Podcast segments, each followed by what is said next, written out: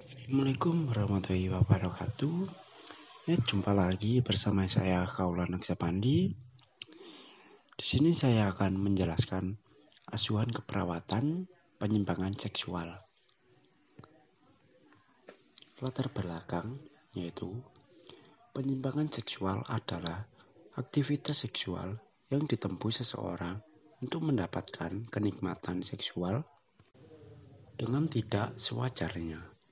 Biasanya, cara yang digunakan oleh orang tersebut adalah menggunakan objek seks yang tidak wajar. Penyebab terjadinya kelainan ini bersifat psikologis atau kejiwaan, seperti pengalaman sewaktu kecil, dari lingkungan pergaulan, dan faktor genetik.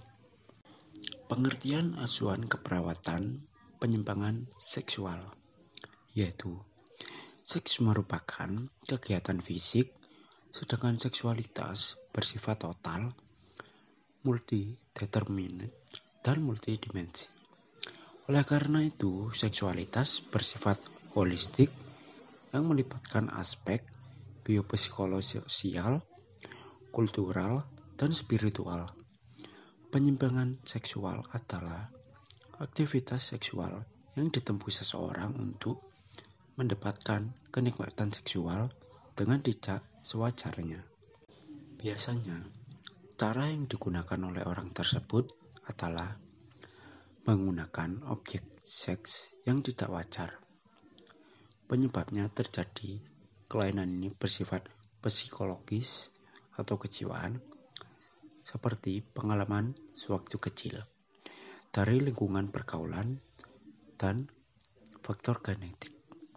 Perilaku penyimpangan seksual merupakan tingkah laku seksual yang tidak dapat diterima oleh masyarakat dan tidak sesuai dengan tata cara serta norma-norma agama. Penyimpangan seks dikuasai oleh kebutuhan-kebutuhan neurotis dengan dorongan-dorongan non-seks.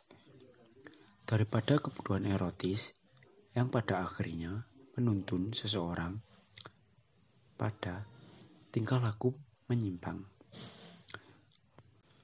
Menurut Kartono, ketidakwajaran seksual atau sexual perversion itu mencakup perilaku seksual atau fantasi-fantasi seksual yang diarahkan pada pencapaian orgasme lewat relasi di luar hubungan kelamin heteroseksual dengan jenis kelamin yang sama atau dengan partner yang belum dewasa dan bertentangan dengan norma-norma tingkah laku seksual dengan masyarakat yang bisa diterima secara umum.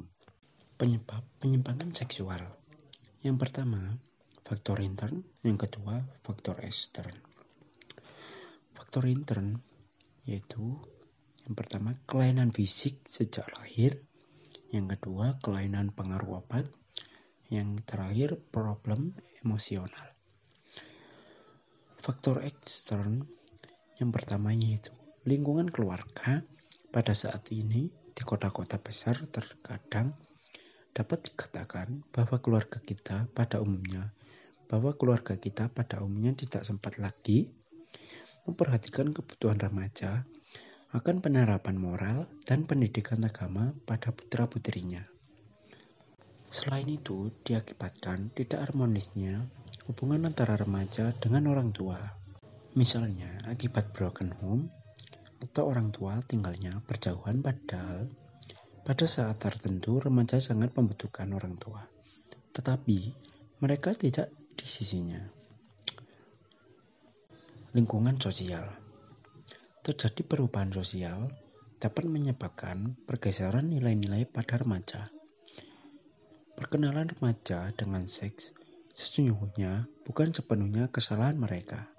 Perkenalan tersebut akibat dari lingkungan yang mendorong mereka tidak hanya mengenal seks, tetapi sekaligus mempraktekkan hubungan seks di luar nikah.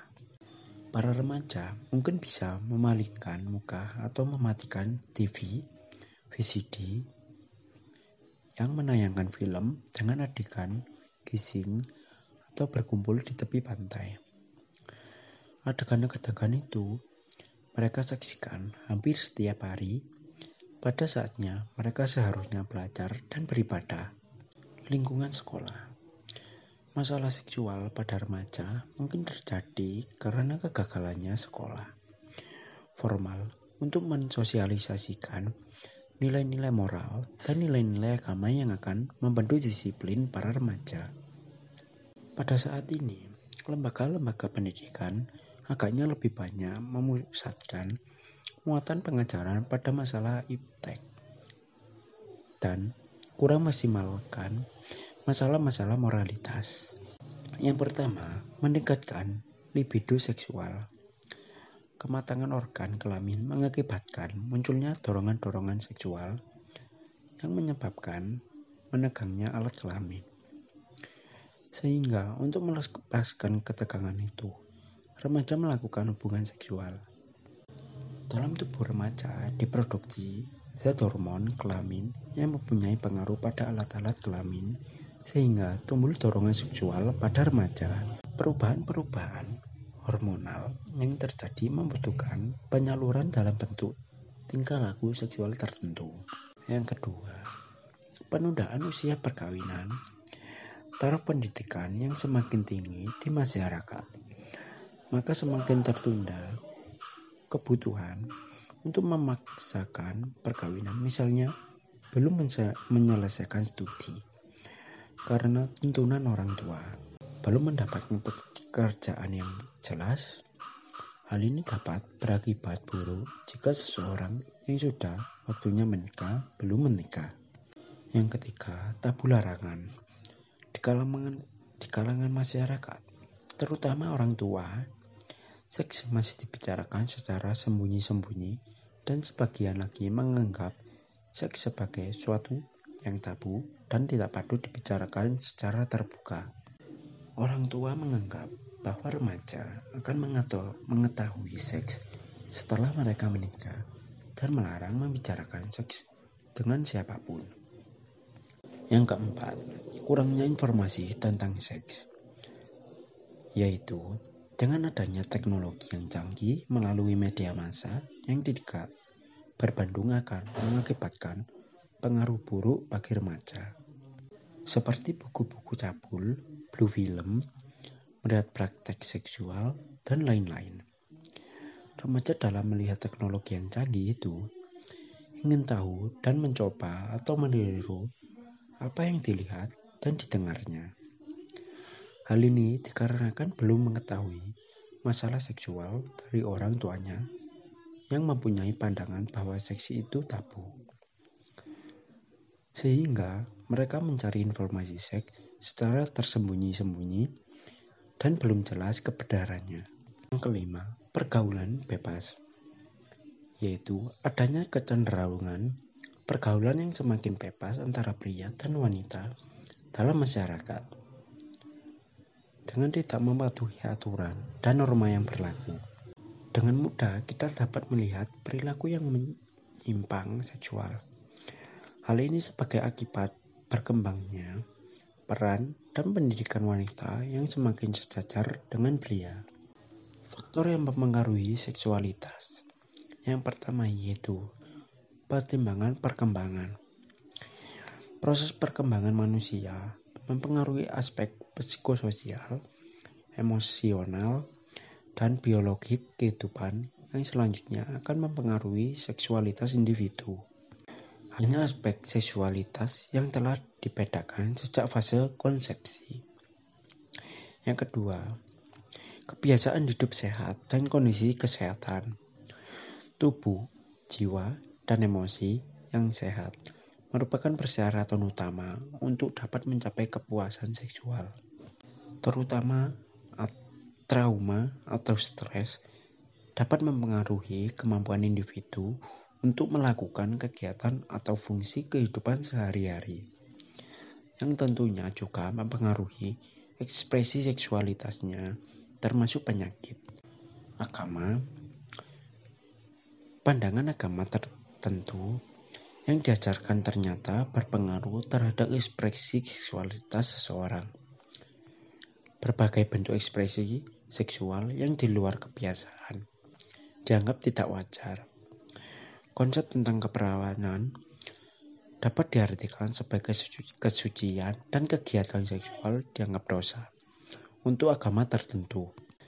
Proses perkembangan kesadaran diri terhadap seksualitas yaitu adalah tingkat kesadaran diri perawat terhadap seksualitas mempunyai dampak langsung pada kemampuannya melakukan intervensi keperawatan. Tahap ketidaksesuaian kognitif dapat diatasi dengan menghindari tanggung jawab profesional dan tetap berpegang pada keyakinan pribadi. Memeriksa fakta bahwa seksualitas merupakan bagian integral dari keadaan manusia. Tahap anietas, perawat mengalami anietas, rasa takut, dan syok. Perawat menyadari bahwa semua orang mengalami ketidakpastian, merasa tidak aman, bertanya-tanya, dan bermasalah yang berkaitan dengan seksualitas. Tahap marah. Kemarahannya umumnya ditujukan pada diri sendiri, klien, dan masyarakat. Perawat mulai mengakui bahwa masalah yang berkaitan dengan seks dan seksualitas bersifat emosional. Tahap tindakan. Pada tahap terakhir ini, perasaan marah mulai berkurang. Perawat mulai menyadari bahwa menyalahkan diri sendiri atau masyarakat karena ketidaktahuannya tidak akan membantu klien dengan masalah seksualnya. Dengan memahami keempat tahap perkembangan kesadaran perawat tentang seksualitas, akan memudahkan dan memungkinkan perawat untuk menjalankan empat tugas utamanya sebagai perawat berkaitan dengan ditemukan kan yaitu yang pertama berpengetahuan tentang seksualitas dan norma masyarakat. Yang kedua, menggunakan pengetahuan tersebut untuk memahami perbedaan antara perilaku dan sikap orang lain dengan diri sendiri sebagai akibat dari pengaruh sosial budaya. Yang ketiga, menggunakan pemahaman ini untuk membantu adaptasi klien dan keadaan sehat yang optimal. Menyadari dan merasa nyaman dengan seksualitas diri sendiri. Kesimpulannya adalah pentingnya edukasi seks bagi anak-anak, remaja, dewasa, maupun yang lainnya tentang bahayanya penyimpangan seks tersebut. Ya, sekian penjelasan dari saya. Bila ada salah kata, mohon maaf. Wassalamualaikum warahmatullahi wabarakatuh.